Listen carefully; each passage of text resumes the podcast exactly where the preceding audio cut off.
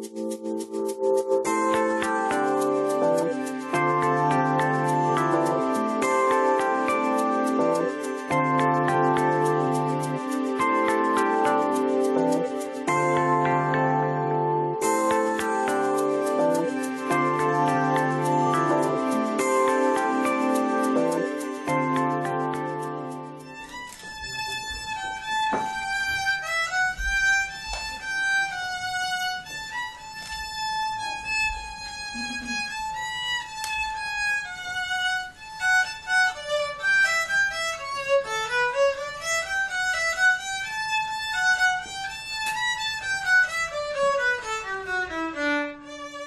28 травня у Сремській Митровиці відбувся 9-й міжнародний фестиваль поезії Мрії і сни, у якому брало участь понад 500 учасників як із Сербії, так і з других країн.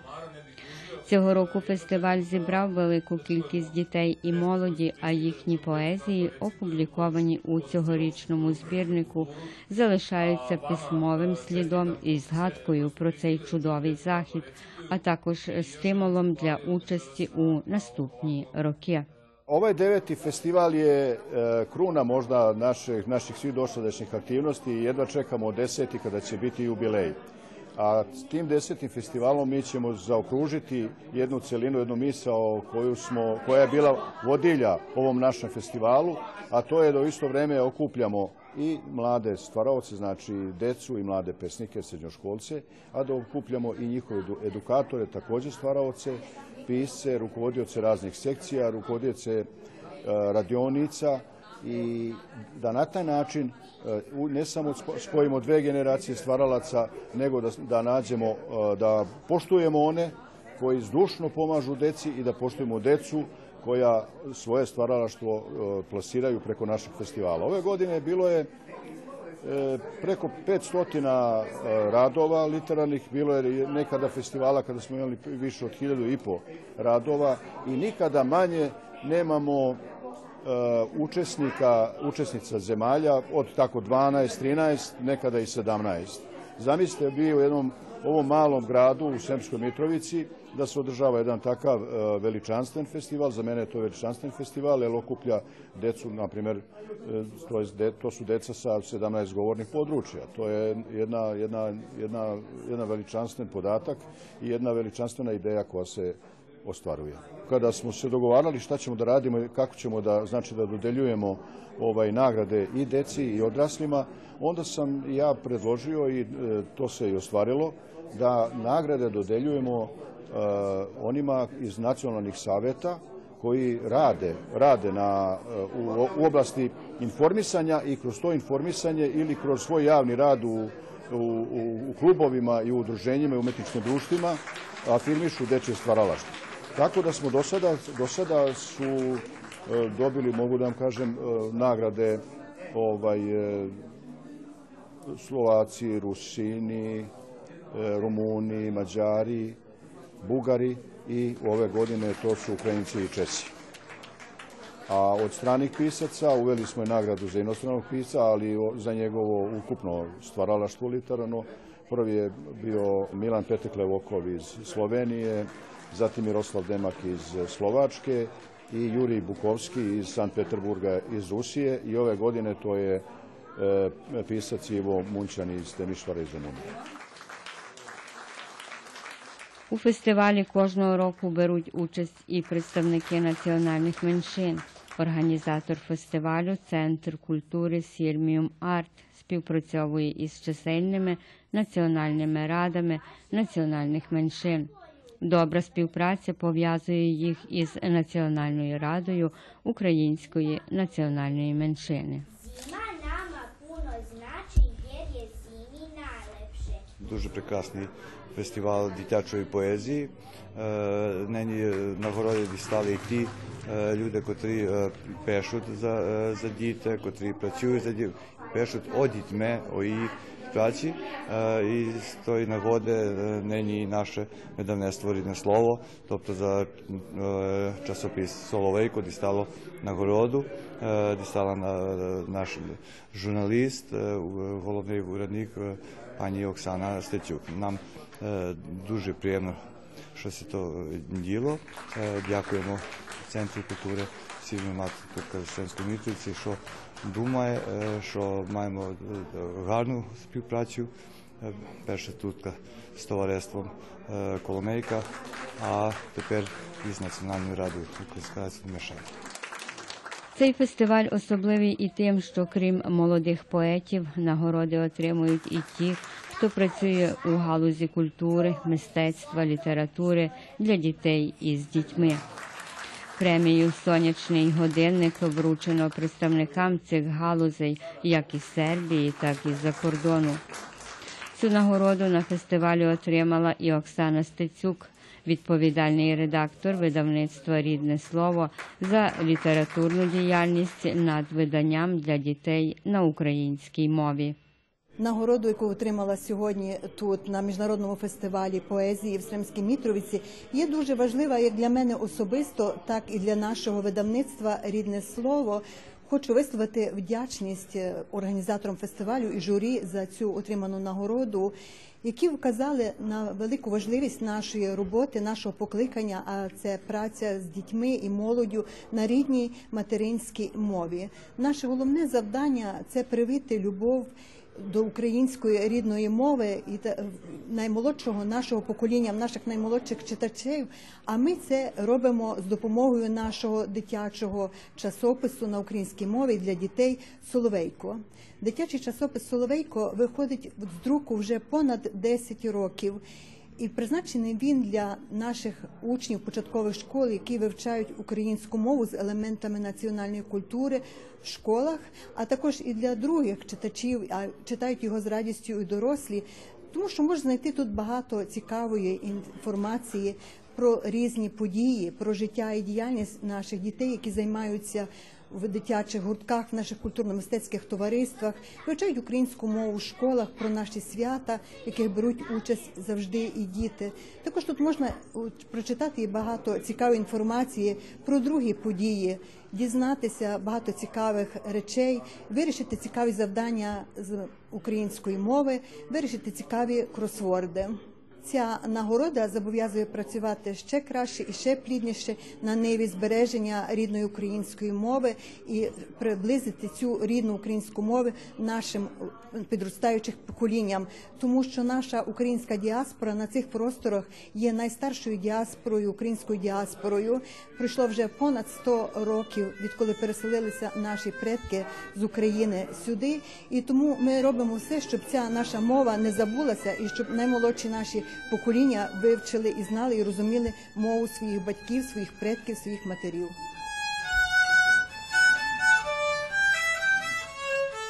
Фестиваль поезії у Сремській Митровиці має довгу традицію і наступного року святкуватиме ювілей 10-ту річницю існування.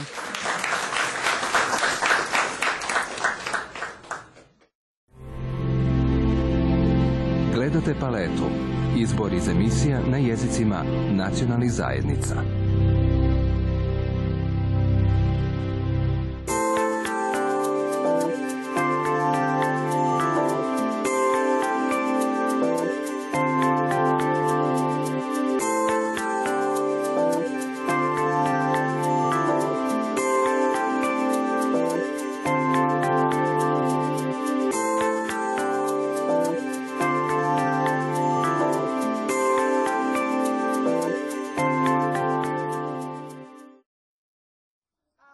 Міській общині Городська спільно з посольством України у рамках виставки Золотий скарб України відбувся майстер-клас з виготовлення магнітів у вигляді українського традиційного віночку. У занятті взяли участь учні перших класів початкової школи імені Іллі Гарашаніна з Хородській, де разом з представниками посольства України Наталею Маркевич і Дариною Гаріб виготовляли традиційні українські віночки, щоб пізніше прикріпити їх на магніти. У занятті взяли участь голова міської общини Хороцька Живадинка Аврамович і член общинського органу, відповідальний за освіту Живадин Мітрич та вчителі.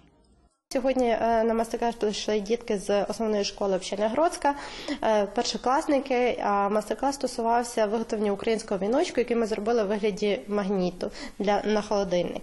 Е, Дітки намагалися робити цей віночок для того, щоб його подарувати в подарунок. І наша ідея була, щоб показати значення українського віночка, символіки, кольорів і квітів на українському віночку таким чином, що дітки вибирали кожен колір відповідно до того, що вони хочуть побажати тій людині, які вони будуть дарувати цей віночок. Так, дехто бажав е, своїй мамі е, щастя і здоров'я, дехто бажав молодості, дехто вибирав усі кольори для того, щоб якомога більше побажати тій людині, якій він хоче подарувати цей віночок. В такий спосіб дітки е, з Сербії вивчали українські традиції і бачили, як їх можна в сучасному житті застосувати, що це цікаво, що це модно. І е, це може пояснити їм трошечки приблизити Україну. Ну, ми встигли на мастер-класі зробити е, ще маленькі сувеніри з України, оскільки Україна відома е, своєю вишивкою. Нещодавно у нас був день вишиванок. Е, Ми робили малесенькі сувеніри з України з українською вишивкою. Це були і брілки з вишивкою, і підвіски, і навіть прикраси для ялинки з українською вишивкою, українськими орнаментами. Мастер-класи відбуватимуться ще також наступного вівторка і через вівторок, і будуть присвячені виготовленню українського намиста тканини, також е, прикраси для волосся е, в техніці канзаші. Е, Ці мастер-класи вибиралися з погляду того, щоб показати, як поєднаються гармонійно поєднуються українські традиції давнини з сучасними елементами, з сучасними трендами, як їх можна вдало і красиво використовувати в повсякденному житті. Ми сподіваємося, що ми чуть-чуть їм приблизили Україну, пояснили її традиції і е, показали, що любити і цікавитися своїми традиціями це не е, соромно, це навпаки е, цікаво і модно, е, і варто це робити. Віночок з квітів і трав, прикрашених різнокольоровими стрічками, є одним з найстарших українських символів. Учні не тільки робили своїми руками різнокольорові віночки, але й уважно слухали розповідь про символіку віночка. Šta si naučila ovde? Šta da praviš? E, magnete u obliku vjenca i bilo je lepo. Pravio sam neke, ali ne, neke, neke da se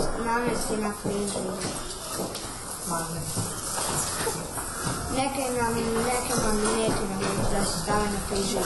Da, bilo je veoma zabavno i pravili smo ovakve venčiće i ovakve ogrlice. Od kog materijala ti pravila venčić? Od ovakvih trakica i od cvetića. Od cvetića, i trakica. Ja sam danas pravio venčiće i privezak. Šta si naučila ovde novo? Naučio sam da da a, pravim pljeske i i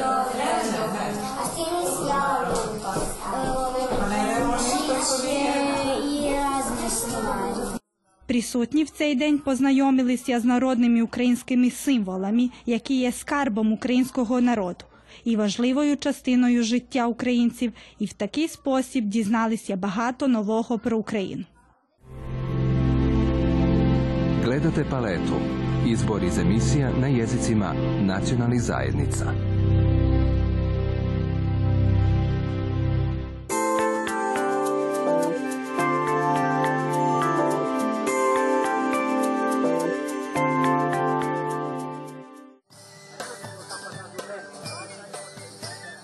Чемпіонат світу середньовічних боїв Битва нації було проведено у Смедереві від 2 до 5 травня.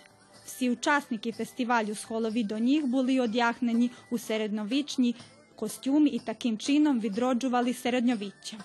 Команда України зайняла друге місце за кількістю здобутих медалей серед 47 країн-учасників. Ми трохи поговорили з деякими учасниками цього фестивалю.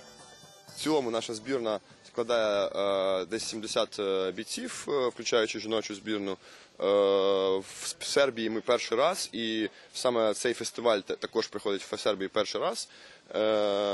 Ну, в принципі, рівень досить високий фестивалю. Ми і, очікували, е, що, що так що так буде. Буде дуже серйозні, серйозні, ну, серйозні команди, серйозні бої, і е, рівень рівень рівень росте. Тобто з кожним роком все більш серйозні бійці приїжджають, і е, все важче тримати позицію лідера на цьому на цьому чемпіонаті. Номінації е, в ми, ми в принципі покриваємо всі номінації, які присутні на цьому чемпіонаті. Тобто ми, ми, ми маємо приймаємо участь і в о, боях один на один.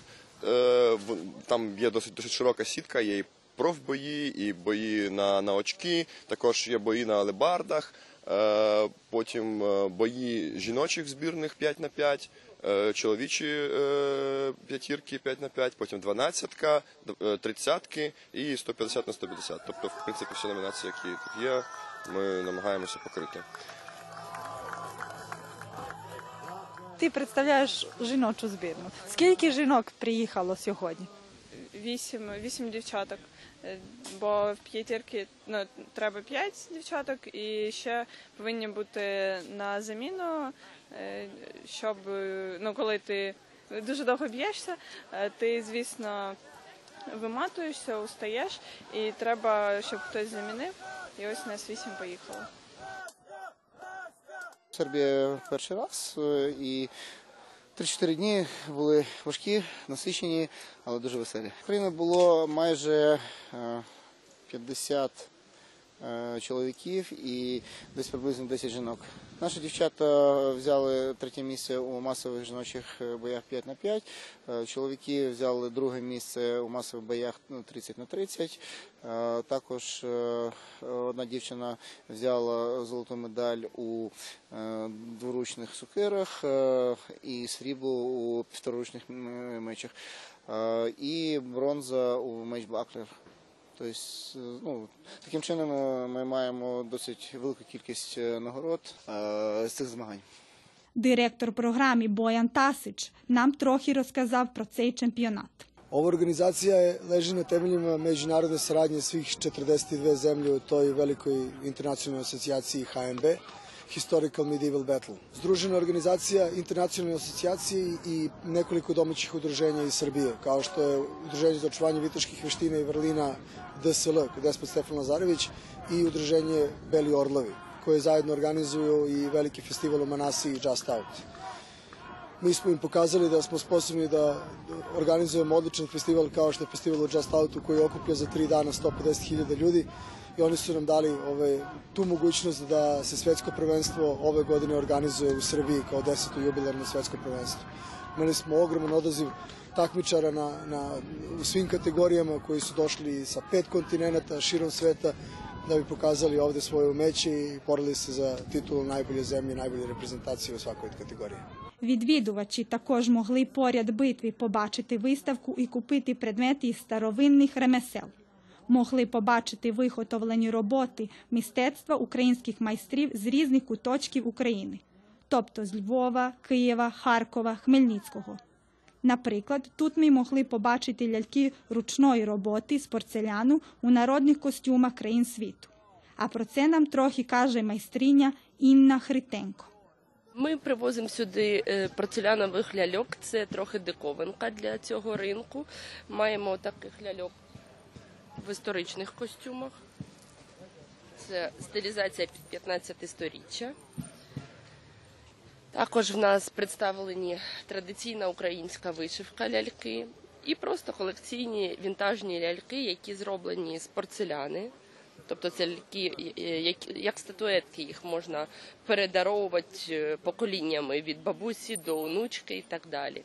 Е, Я займаюся тим, що я реставрую ляльок, я шукаю їх в різних частинах світу.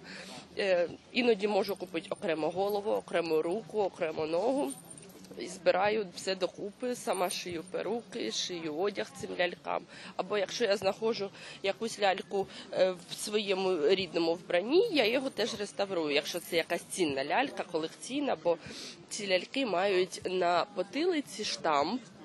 Е, Хто виробник, е, іноді рік виробництва. Тобто тут є ляльки, які можуть бути і 50 років, і 60 років. Ну і є, звичайно, сучасні, які просто стилізовані під старовинні. Про ювілерні витвори зі срібла і золота нам трохи кажуть київські майстрі. Що ви мене можете сказати про цю маніфестацію? Чому ви приїхали тут у Сербію чи перше в Сербії? В Сербії перше, але вже е, не перший раз відвідуємо битву націй. Я займаюся виготовленням обладунків і е, вже традиційно, вже не знаю, мабуть, четвертий рік поспіль відвідую цей фестиваль. Я виготовляю саме для, е, для середньовічного бою. Це є спортивна стилізація, це не є реконструкція повністю. Це має ці обладунки мають вигляд історичний, але вони мають більший захист, якісь, е, якісь скри- скриті якісь елементи, що забезпечують більшу рухомість та безпеку бійця. Використовуються ну, матеріали теж використовуємо, е, наприклад, титан деяких обладунків, якого не було в середньовіччі. Це забезпечує меншу вагу, більшу рухомість бійця. В Сербії так, я перший раз, але цей захід е, він називається Битва націй, тобто це міжнародний турнір з історичного середньовічного бою. І це не лише захід, який стосується власне боїв, але це ще в певній мірі модуляція середньовічного міста, що ми можемо бачити на ярмарку. Тобто це як і розвага, ось так і елемент е, реконструкції середньовічного е, життя. Збираються люди, які всім цим цікавляться, хтось купує, продає. Так це відбувається, як це було багато століть тому. На нашому лотку ви можете бачити аксесуари. Все, що стосується пасків і навколо них. Тобто це пасок і все, що до нього може бути прикріплено. Власне, сумки, столові прибори, ножі. Е, Кишені з'явились досить пізно, і до того часу все чіплялось просто на пасок. Могло, могло бути навіть декілька пасків е, відповідно до різних е, аксесуарів, які потрібні. Щоб кожен раз не міняти, ти береш пасок з тим, що тобі зараз буде потрібно. Це може бути зброя або якісь побутові предмети. Не забудьмо і відомих українських ковалів. Насправді я більше приїхав показати свої роботи. Вже не так багато залишилось, бо е, приємно оцінили тут е, наші роботи українських майстрів. Я багато приємних е, слів чув від е, тих, хто прийшов на фестиваль, подивитись. Е, дуже приємні люди, за що мені тут приємно відчувати себе в гарному оточенні. Е, А так я привіз е, роботи свої. Це якраз речі, якими воюють якраз зараз на ресталіші. Це саме такими, це для бійців. І мої вироби, от ножові та інші, які можна тут подивитись.